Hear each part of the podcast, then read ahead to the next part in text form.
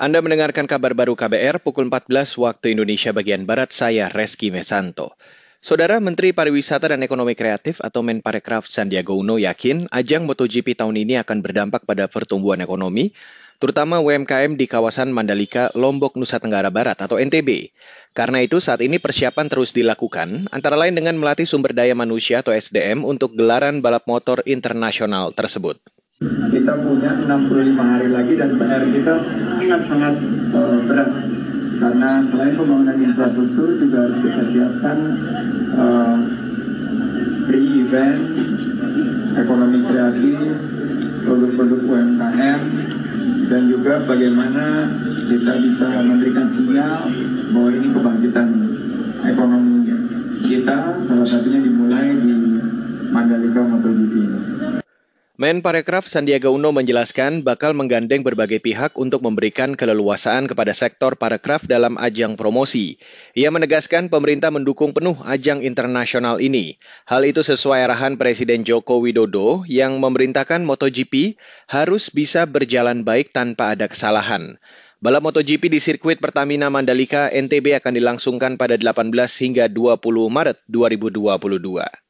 Beralih ke informasi selanjutnya, Saudara. Pengurus Besar Nadatul Ulama atau PBNU mengumumkan susunan pengurus periode 2021-2026 di kantor PBNU di Jakarta hari ini. Susunan kali ini berbeda dibanding periode-periode sebelumnya.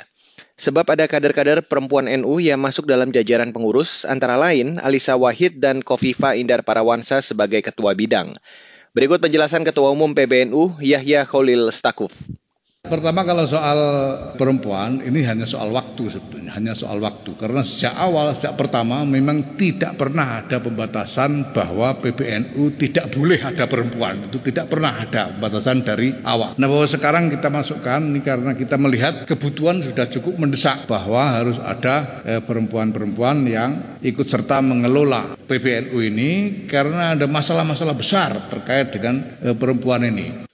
Di jajaran pengurus PBNU, untuk posisi sekjen diisi Saifullah Yusuf atau Gus Ipul, sedangkan bendahara ada sosok Mardani Maming, yang juga merupakan ketua umum BPP Himpunan Pengusaha Muda Indonesia atau HIPMI.